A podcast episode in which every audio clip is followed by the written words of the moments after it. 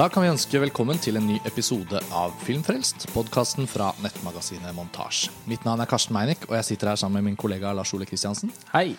I denne episoden skal vi snakke om en klassiker. Eh, vi har ofte fått eh, tilbakemeldinger fra lyttere og lesere på montasje at de syns det er veldig fint når vi setter en gammel film i søkelyset på Filmfrelst. Der blir jo mange festivalepisoder eller filmer om premiereaktuelle eh, podkaster om premiereaktuelle nye filmer.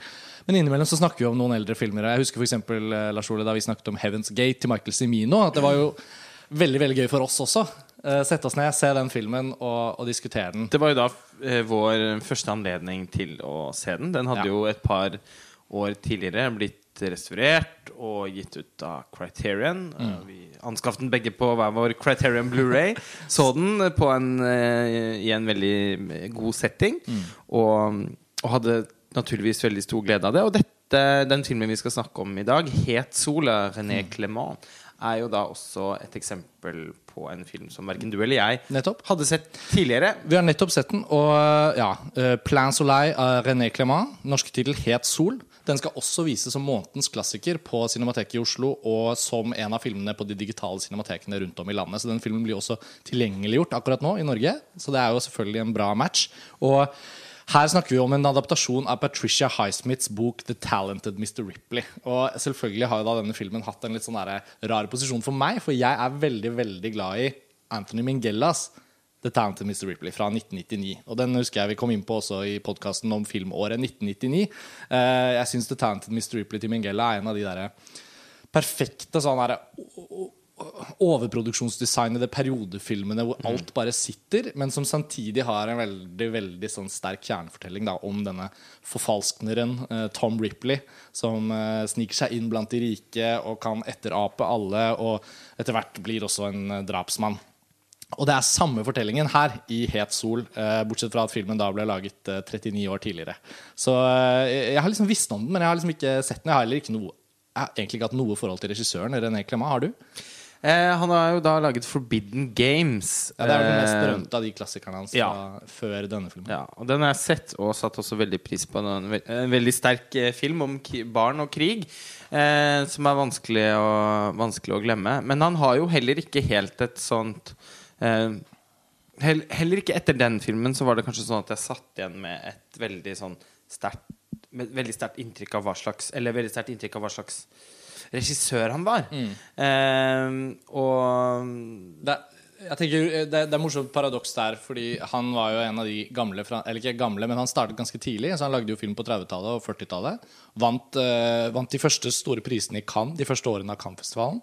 For alle filmene han hadde meldt på. vant, to, vant to Oscar, to Oscar for, uh, for, Forbidden Games. Men så skjedde det jo noe midt på 50-tallet i Frankrike. Det var da selvfølgelig den franske nybølgen. Alle disse filmskaperne som også var kritikere. Og det er jo et sånt berømt tilfelle hvor Francois Truffaut langer ut mot de etablerte franske filmkritikerne. Metteur en scène, som ja. man kaller dem. Ja. Og der uh, grupperer han altså René Clement med et par av disse andre som han ikke kan Julien Duvier ja. og Men ikke tåler Marcel Carnet og, ja, og så hele revolusjonen til på en måte det Eller i hvert fall det, det angrepet fra Truffaut, det berømte angrepet på den etablerte uh, gruppen av franske regissører uh, som hadde laget en viss type film, før andre verdenskrig særlig. der ble René, René Clement gruppert inn.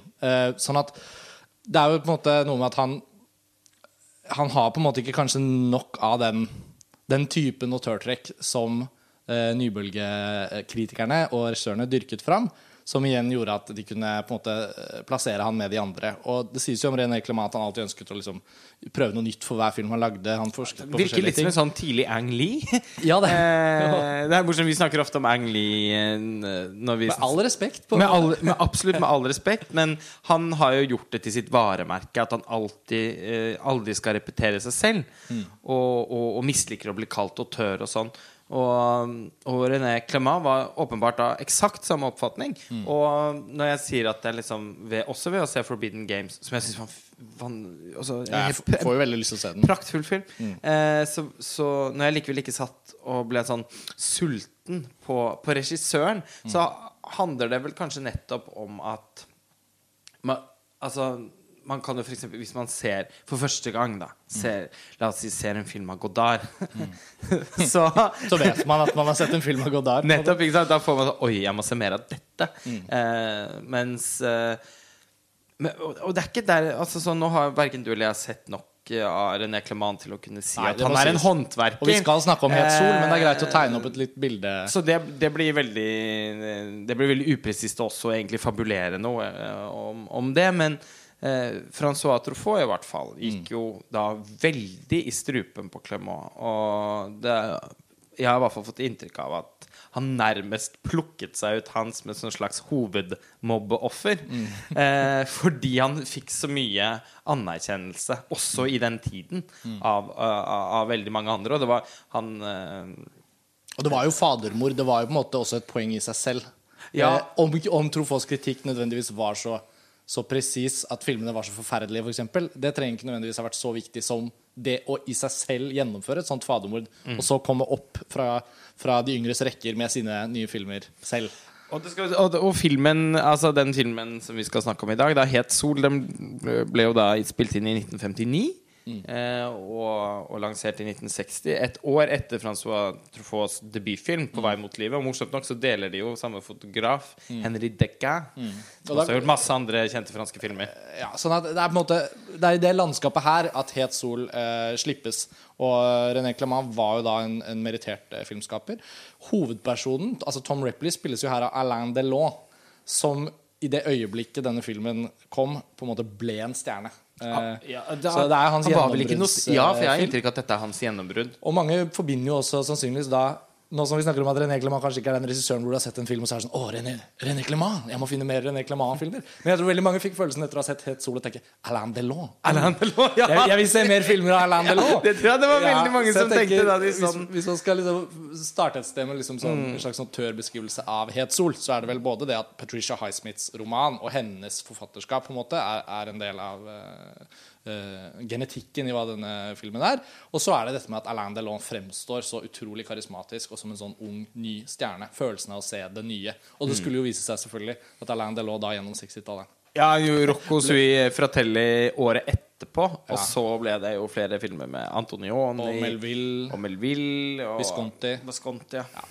Så, og Alain Delon lever jo fortsatt, så Men ok, la oss gå, la oss gå inn på Het sol. da. Eh, Det er jo den samme historien som talentfulle Miss Ripley. Eh, Sikkert mange av lytterne våre som i hvert fall har sett den. Um, Tom Ripley blir sendt til Italia for å for å hente hjem rikmannssønnen uh, Dickie Greenleaf, som han heter i Mingellas versjon. Her heter han vel Philippe Greenleaf. Uh, det er på en måte en fransk filmproduksjon, dette her, og det syns jeg også var litt sånn aparte og litt rart. For jeg forbinder filmen veldig med at det er, på en måte er amerikanere og briter i Italia. Ja, det er litt morsomt Det er Monsieur Ripley. Ja, Tom, Tom Ripley. Men uansett, ja, spøk til alvor. Um, det er en veldig sånn Det er en veldig sånn rar, spent tone i denne fortellingen. Og det syns jeg gjelder for begge filmatiseringene. Da. Jeg har ikke lest romanen. Jeg har ikke lest noe av Patricia Smith, bare for det er sagt. Men jeg har veldig sansen for eh, disse to filmene. Og i hvert fall Det Mingella gjør med den fortellingen, er på en måte å, å sette oss veldig inn i tidsepoken. Det er liksom på 50-tallet. Tom Ripley i New York der i begynnelsen av filmen sitter og hører på jazz, sitter og liksom etterligner stemmer. Han havner eh, i samtale med han, faren til Greenleaf, den andre Greenleaf. Og så tar han bare den reisen til Italia. også. bare Han winger det jo litt underveis. Men, men også blir veldig tiltrukket av Greenleaf. Og det er jo en fantastisk rolleprestasjon av Jude Law uh, i eh, Mingella-filmen. Um, og, og Kanskje den beste han har gjort. Ja, ja, ja, Ved siden av Gigolo Joe i AI. Ja. eh, og, og Gwyneth Paltrow òg, som Marge, uh, kjæresten hans. Sånn det, det er, og, og Matt Damon, selvfølgelig. Altså, nå har jeg ikke sagt det engang, men jeg tar det for gitt. Folk husker jo Matt Damon. Uh, det var jo ikke så mange roller han hadde gjort da. Han hadde gjort Good Will Hunting selvfølgelig og vunnet Oscar for beste manus der. Og så var det liksom det første sånn rushet av sånn Matt Damon. Vi må få ham med i filmen vår. greia Men jeg syns fort, fortsatt at Matt Damons hvert fall for meg er den beste rolleprestasjonen hans fortsatt et uh, talentfulle Mr. Ripley. Helt enig. Og det er en, det er en meaty liksom, rolle. Det er en sånn at vi- du, Enten om du sikkert da leser den boken eller får det manuskriptet til Mangella eller da René Clemens versjon, så er det noe med at wow, den rollen der. Altså spille en, en, en fyr fra, fra underklassen på en måte som vil jobbe seg opp i overklassen. Og, og det berømte sitatet fra Mangella-filmen 'It's better to be a fake somebody than a real nobody'. Det syns jeg bare filmen får til så fantastisk bra. Altså, jeg elsker Mingella-filmen, og plottet er det samme i René Clemens-film. Og ja, vi har jo akkurat sett den. Uh, og um, Og Jeg jeg, har jo ikke, da ja, ja. Ikke, altså, ikke et så, så nært forhold til Nei. Mingelas film som deg, fordi det tror jeg det er ganske få som har. Eh, den filmen har du snakket om Den ukentlig, Ja. så, så lenge Husker, vi har kjent hverandre. Det begynner var å sånn bli ganske mange Storesøsteren år. min tok meg med på kino, og vi så den. Og så etter det så har jeg på en måte hatt muligheten til å se den veldig mange ganger. Jeg brukte faktisk Jeg tok faktisk høre på musikken og ja. jeg, jeg, så, altså jeg så den ikke da den kom, Nei. og brukte faktisk veldig mange år på å se den. Jeg husker at du maste på meg årevis Ja. om at jeg skulle sjekke den ut. Og så en dag så satte jeg meg ned og Så så den. Og det var jo eh, Altså, den innfridde jo med renter. Mm. Det var som om Altså, den filmen kunne jeg helt oppi et glass som om den var en vin. Mm. Snurret litt rundt på glasset. Drukket den og sagt som Helge Jordal i høst Deilig! det, det, det er en såpass bra podkastreplikk du kommer med der. Det er nesten så episoden er over. Men, men det er ikke Mingellas film Det Mingellas film Nei, men som står i fokus. jeg, jeg setter det litt på spissen, Ja, også ja. for å på en måte lage en kontrast med René Clamans film. Eh, fordi den her er Det er liksom det deilige da med Mingellas film, Mm. eh, hvor man liksom bader i produksjonsdesign og kostymer og lys. Og du er litt turist i Italia òg. Ja, ikke bare litt, vil jeg si. Noen vil kanskje si at det er en av filmens svakheter. At den har noen sånne post, postkortaktige gjengivelser. Det var helt topp. Ja. Eh, René Clément har en, rett og slett bare en helt annen tilnærming til, hvordan, til, til fortellingen, og hvordan han ønsker å formidle den. Det, filmen er veldig sånn nøkternt regissert. Eh, veldig mange Altså totalbilder. Lange innstillinger. Eh, kamera er ofte lite i bevegelse. Eh, veld, altså sånn Opplever ofte at selve bildekomposisjonen er ganske sånn meningsfylte eh, og fortellende. Men likevel veldig sånn Den, er, den, den har ingen den, den velter seg ikke i den derre eh, ideen om Eller fantasien om overklasse. Og at det er liksom et sånn flamboyant liv. liv. Det lefler den ikke med nesten i det hele tatt. Nei, det, ble gjort en, eh, det har blitt gjort en sammenligning hvor, hvor man sier at ok, La Dolce Vita Fellini og Het Sola Clement, to filmer som ble laget i Italia på nøyaktig samme tidspunkt, eh, begge med Nino Rota-musikk, mm. at de begge var på en måte eksempler på dette. da, At det var en tid hvor det her kommer det portretter av, av liksom overklassen og parasittene som henger seg på dem. Eh, kan vel kanskje til at Dolce Vita er vel en litt mer sofistikert behandling av dette temaet, eller, eller liksom leve, levendegjøring av denne Jeg ble veldig overrasket på, på bonusmaterialet på den Criterion-DVD-en som vi begge har, har sett. Så er det en René Clement-ekspert som trekker noen eh, Trekker ganske mange linjer mellom Clement og Fellini. Eh, og da peker på måten eh, Clements Ripley-film da har noen, som, som du sier, Karsten, noen, noen parallell, tydelige paralleller til, til La Dolce Vita. Jeg må innrømme at det var veldig fjernt. eh. Ja, det var en kuriøs reach, vil jeg si. Eh, Fellini er vel akkurat den typen filmskaper som René Clement ikke er.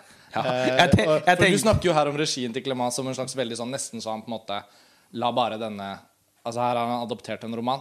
La den bare La den bare fortelles. Mm. Altså at han Selv om det fins selvfølgelig eh, Det er jo ikke det at Vi skal ikke avskrive Clement og forfatterskap til den filmen, men, men det er noe med at visse regissører og folk som kjenner oss, vet jo at, man, at vi er jo begge folk som setter pris på regissører som liksom trår til litt. Og trykker litt på gasspedalen, og som har vilje i bildene, vilje i liksom fortellingen. Jeg kjenner at eh, Selv om det ikke gjør Het Sol til en svakere film i seg selv, så blir det noe med at når man ser den i dag, da, 56 år senere, så er det noe med at han har ikke helt satt fyr på, på filmspråket sitt på den samme måten som hans kontemporære filmskapere gjorde. da. Nå har vi, trukket, nå har vi sett det- som lager en film året før, samme fotograf. Fellini som lager film på samme tid. Jeg vet ikke. Jeg, jeg, jeg opplever at filmen, selv om, selv om jeg syns filmen er god, Mm. eh, så er den et litt sånn kuriøst tilfelle, fordi den faller litt mellom to Eller det er så teit uttrykk. Det faller mellom to stoler. Eh, så da skal jeg ikke si det. Jeg trekker tilbake det uttrykket. Men jeg kan si at den oppleves ikke helt som en europeisk film fra 60-tallet. Eh, hvis vi nå tenker på klisjeen eh, som av, av, av hva man tenker på som europeisk film på 60-tallet. Og den føler, oppleves heller ikke som, en sånn, som noe Hollywood-film. På ingen måte. så den har Den har på en måte Den har en europeisk sensibilitet i historiefortellingen, samtidig som den ikke har den der filmatiske energien da som man forbinder særlig da med sant, fransk film på 60-tallet. Eh, og den har heller ikke noe av den der virtuose som man forbinder med Hollywood, den klassiske Hollywood-filmen. Så den er liksom sånn man har, det, er- akkurat som, eh, som Clement har forsøkt Kanskje da fors, er på jakt etter det menneskelige i fortellingen og ønsker å skalere ned alt som gjør at den fortellingen og, den, og Tom Ripley-karakteren i utgangspunktet er veldig sånn filmatisk og, og fiksjonell. Jeg synes Det er et veldig godt poeng, Fordi det er jo noe av det som ligger i rolletolkningen til Alain Delon også. Som jeg, som jeg likte veldig godt med hans Ripley. Er at den, den, nest, den føles ikke maniert på noe vis. Altså Jeg elsker Matt Damons rolletolkning, men den er jo også liksom Den er realistisk pluss 20% kan man si, om hele filmen. Eh, Men her føler jeg at Delon er realistisk minus 20% ja, og liksom, han, han spiller jo på en måte en fyr som, skal, som forfalsker seg gjennom uh, omgivelsene han er i, og, og dreper egentlig liksom dreper for fote. Jeg syns Ripleys drap i Clemans film er liksom på en måte mer filmdrap enn i Mingelas film. Ja, paradoksalt nok. det er paradoksalt nok, fordi i resten av filmen så er det veldig Er det det vi snakker om nå, at, at det er mer menneskeliggjort og, og forsøksvis et krimplott eller en sånn type roman som som for, som, for han har en slags sånn neorealisme også tidligere. Han har vært sneiet innom litt sånn neorealisme Clement eh, på, etter andre verdenskrig. Og eh, her så eh, er det mye liksom mm, Ja, troverdig. Og så kommer noen av drapene, og da blir det sånn Oi, tegneserie. Jeg tenker særlig på det drapet ute på, ja, ute på båten, som i Mingellas film er, og det er også uh, det samme i romanen da, til Highsmith, at det er en, en åre som liksom klubber ned den andre personen uh, med en åre. Trenger jeg, det er kanskje såpass kjent fortelling, eller folk kjenner denne filmen uh, at vi kan spoile litt. Jeg vet ikke. Um, jo. Ok, Hvis dere ikke kjenner hverken noen av disse Ripley-fortellingene og bare har lyst til å se det, så stopp og hør på nå. Um, Tom Ripley dreper jo uh, Philip Greenleaf i uh, Clemans film uh, med en kniv. Et sånt, et sånt dolkdrap, sånn rett i hjertet, nærbilde av kniven. Det er veldig sånn filmdrap. Ja. Mens i Mingellas film så har uh, Ripley eh, utrolig konfliktfylte følelser overfor Greenleaf. Eh, Jude Laws Greenleaf, som er så karismatisk. Og ut på jazzklubb, og de synger. Og den homoerotiske undertonen i Mingellas film betyr veldig mye for hvordan liksom, Ripley blir en kompleks figur, og hvorfor han dreper. Mens det er helt fraværende synes jeg, i Clemans film. Som gjør at da, når du drepes, så blir det mer sånn krimbok, gammel filmdrap. Mens i Minghella-filmen, og det syns jeg virkelig er noen av de sterkeste scenene, det er, eh, det er både det, det drapet ute i båten, med åren. Og Jude Law spiller også Greenleaf som at han ikke skjønner hva som skjer. Noen sånne utrolig sterke bilder av at han liksom får Hodenskallen hans er liksom nærmest på vei til å liksom sprekke. Men han klarer fremdeles å spille en sånn Hva er det du gjør? Hvorfor slår du meg med denne åren? Og så, og så er det over, liksom. Og, og også sluttscenen eh, Unnskyld. Eh, sluttscenen i Mingellas film, hvor Ripley egentlig har sluppet unna. Og så er det en siste eh, altså er det han, Nå husker jeg ikke rollefigurens navn, men han har liksom fått en ny romantisk affære med en fyr, og så, og så, og så skjønner han at nei, jeg er også avslørt her. Og i de siste bildene av filmen så kveler han denne andre fyren. Og da, når han har gjort det, så er liksom ringen sluttet. Da vet han at han har sluppet unna. Og så lukkes liksom bare filmbildet av en sånn fantastisk sånn, liksom Kameraet bare trekker seg tilbake, og det blir mindre og mindre synlig i bildet. Til slutt går det bare i svart. da Og så har Ripley sluppet unna. Og i sluttscenen i Het sol så er det jo motsatt. At Clement har skrevet om Highsmiths eh, slutt og latt politiet til slutt ta Ripley. Det er en fin scene, for den er fint løst. Den er veldig godt løst. Men, i Ja. seg selv så er den jo Dette fant vi ut i etterkant også, at Mm. det var jo fordi man på, på den tiden hadde vanskelig for å akseptere en slutt der hvor filmens bad guy Mm. en, en av, altså På tross av at vedkommende da også var hovedperson, eh, skulle slippe unna. Så Mm. Og det er fair enough. Kan, altså, det er ikke det at det var noe galt i seg selv, det. Eh, Det er scenen er så Ja. Er så effektiv Og det at jeg, jeg syns leser faktisk det- det fungerte veldig bra. Og jeg leser det nok bare inn fordi jeg kan ha Minghella-versjonen i mente. Eh, Det kan hende det fantes folk som leste Highsmith-boken, og så så de denne Alain Delon-filmen, og så var det sånn Ja, men så bra at han ble tatt, da! Mm, ikke sant? Men så Patricia Highsmith skulle jo skrive flere Ripley-bøker, så han skulle jo fortsette å Jeg syntes i hvert fall mot slutten her at de klarte å også få inn en Eller at, at filmen plutselig fikk en brutalitet som kom veldig plutselig på meg, og som ga noe til resten av filmen. Um, ellers så er det jo ikke Det er jo ikke akkurat Selv om vi snakker om disse drapene eh, og dette knivdrapet på båten, som jeg er enig i at er litt sånn Tintin-aktig. Eh, det, er annet, det er et annet drap i filmen uh, også som er, som er veldig kostelig, med en håper å si, ustekt kylling. som involverer en ustekt kylling. Eh, men, eh, men ellers så vier jo filmen først og fremst også Først så vier den jo veldig mye tid til uh, forholdet mellom Greenleaf og Ripley, og hvordan det gradvis forsures. Den, Den bruker, den, denne filmen bruker jo mer tid på det enn Mingellas film. Og, uh, men det gjør også at den blir mer At, at vi har større forståelse for hvorfor Ripley eh, velger å ta livet av Greenleaf. Fordi i, i Clemans versjon så er jo Greenleaf en, en, utro, en ganske uspiselig type. Så Ja. altså man kan jo også se for seg at kona hans hadde valgt å sette Ja, en en øks i skolten En av oss må bli, fjerne han fyren Ja, her. Ja. Han er fryktelig. Sånn er det jo ikke i Mingeles film. Nei. eh, På den samme Og, måten. og, og det skal vel også si at Jude Law og Matt Damon De ligner ikke hverandre så veldig.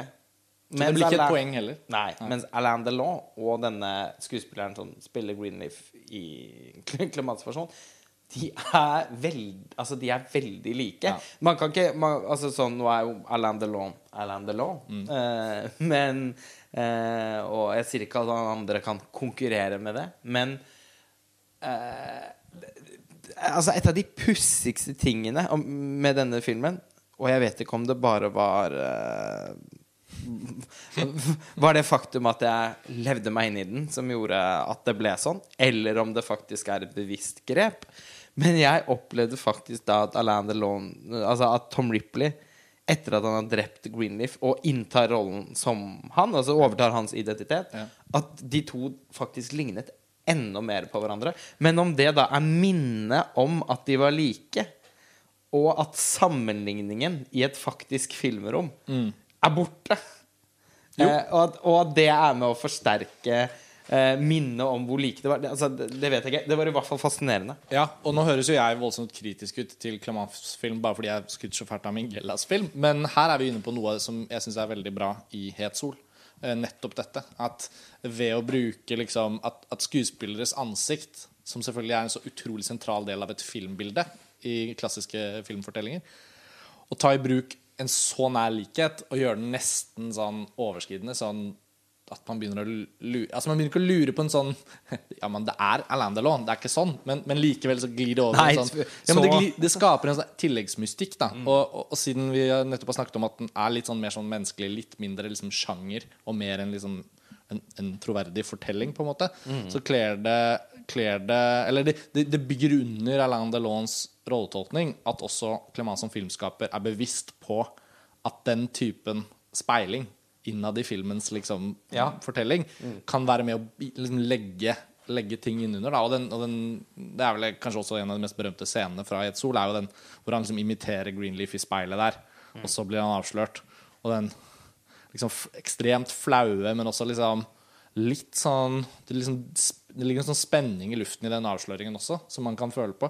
Og den ligger jo da til grunn for de senere bildene hvor man begynner å se at de ligner også veldig på hverandre. Så, så Man det er veldig mange sånne kvaliteter. Ja, eh, ja og i Greenleaf sin, eller Greenleaf sin film, er- i Clement sin film, eh, Het sol, så kan man jo også undre seg eh, litt over hvorfor ikke, hvorfor ikke Greenleaf kvitter seg med Ripley på et tidligere tidspunkt. Fordi han avslører han jo så tydelig på så mange områder. Altså sånn, det blir så åpenbart for han at Ripley har noe urent mel i posen. Mm, absolutt. Jeg tenker I Minghella-versjonen der så, så syns jeg Jude Law en av de styrkene ved Jude Laws rolleprestasjon er at han, han har klart i så veldig stor grad å skape en sånn rikmanns eh, liksom, eh, livsnytertype som er konstant avhengig av et publikum for sine manerer.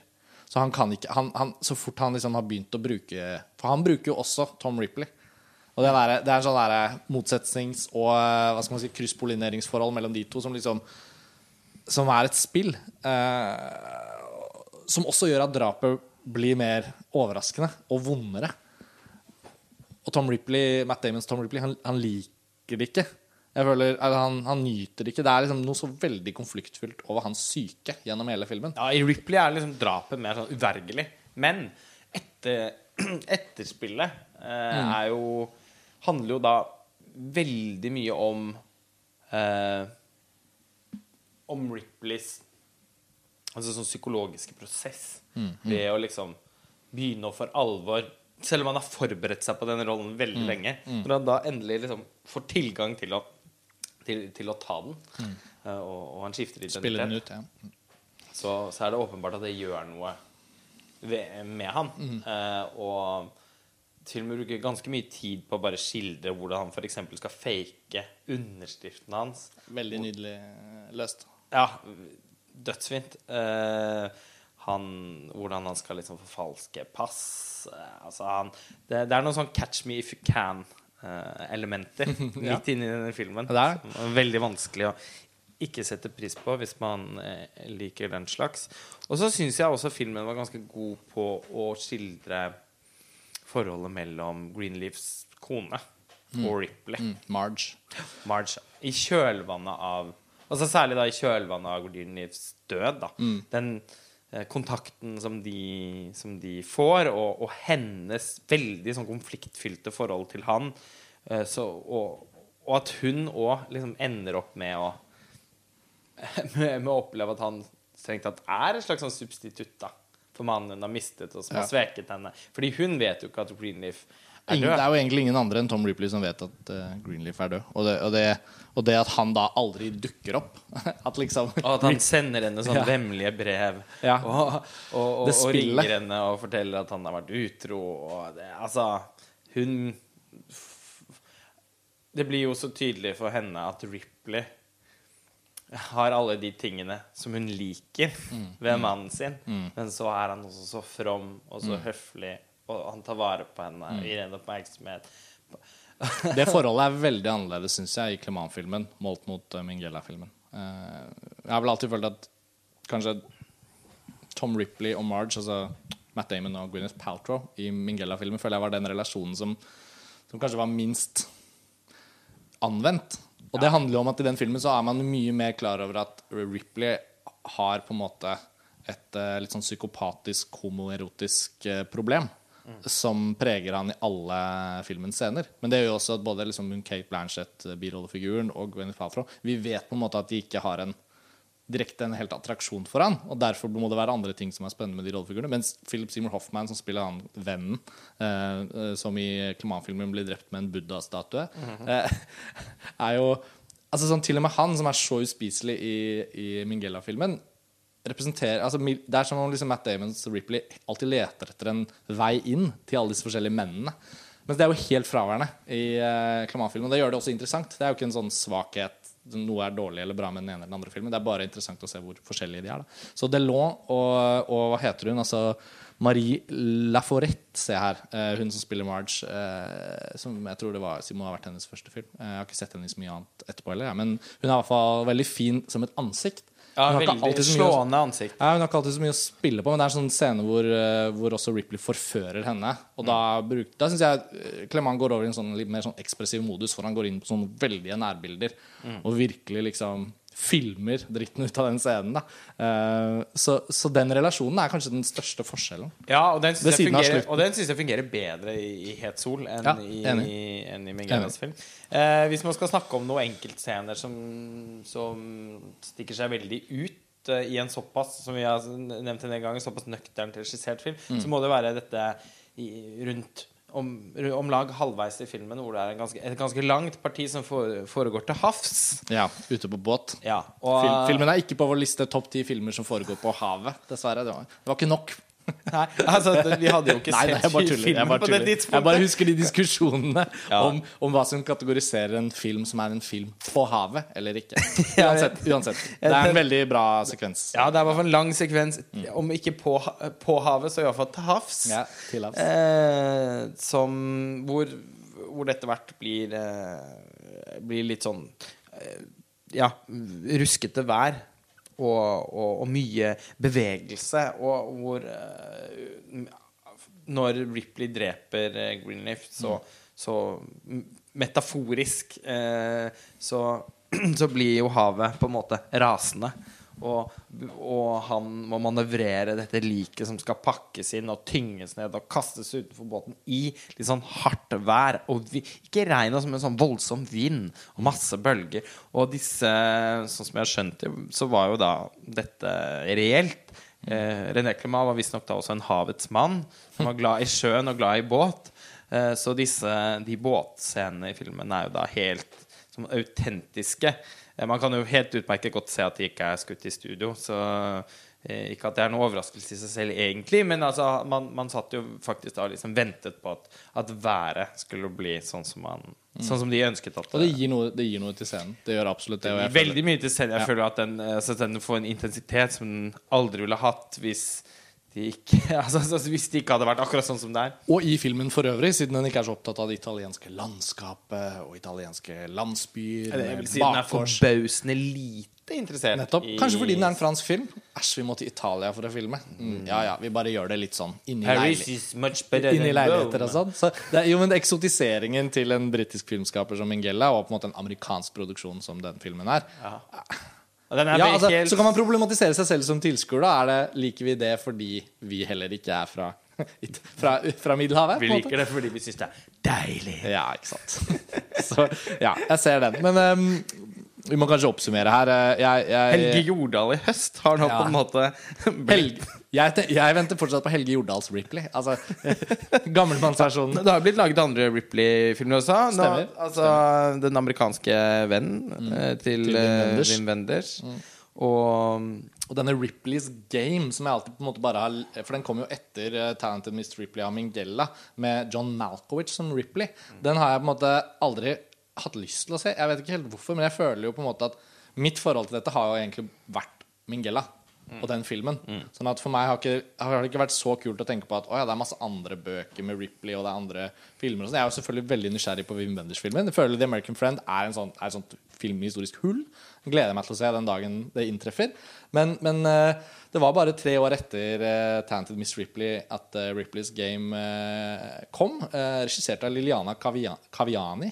Eh, og jeg tenker at Ripley som en sånn der romanfigur eh, Kaviani, altså. The Night. Ja, Night Porter-regissøren. Ja, altså, er det hun som har regissert Ripley's Game? Ja, det har aldri trodd. Nei, men den filmen, Det er veldig rart med den filmen. Det var en sånn, virkelig en film som kom, som liksom kom og gikk. Ja, en sånn Nesten på grensen til å føles som sånn rett, Rett på videofilm, ja.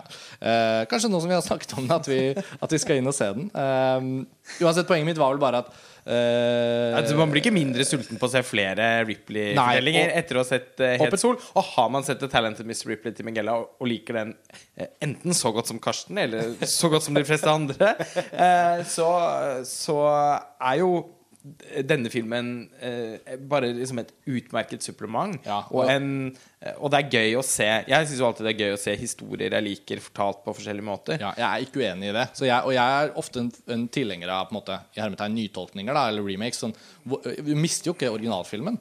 Det er ikke sånn at ting forsvinner. Du, Nei, nei, får, du får tilbud til, om et perspektiv til, og så kan du velge å ikke se den. Og da er det jo ingenting som skjer. Da Og det er- ødelegges ingenting. og det liksom- det var kjempestas å endelig få sett Het Sol. eh, og jeg kan også varmt anbefale den, så det er, det, du må ikke liksom Nei, for det var jo liksom litt springbrettet her. Ja. At uh, den, skulle, den skulle bli vist i den nye restaurerte versjonen Mm, På, på, på cinematekene. Og, og vi følte at det var på høy tid å, Ja. få sett noe særlig for deg. Ja, veldig. Eh, Det var forløsende. Det var bra.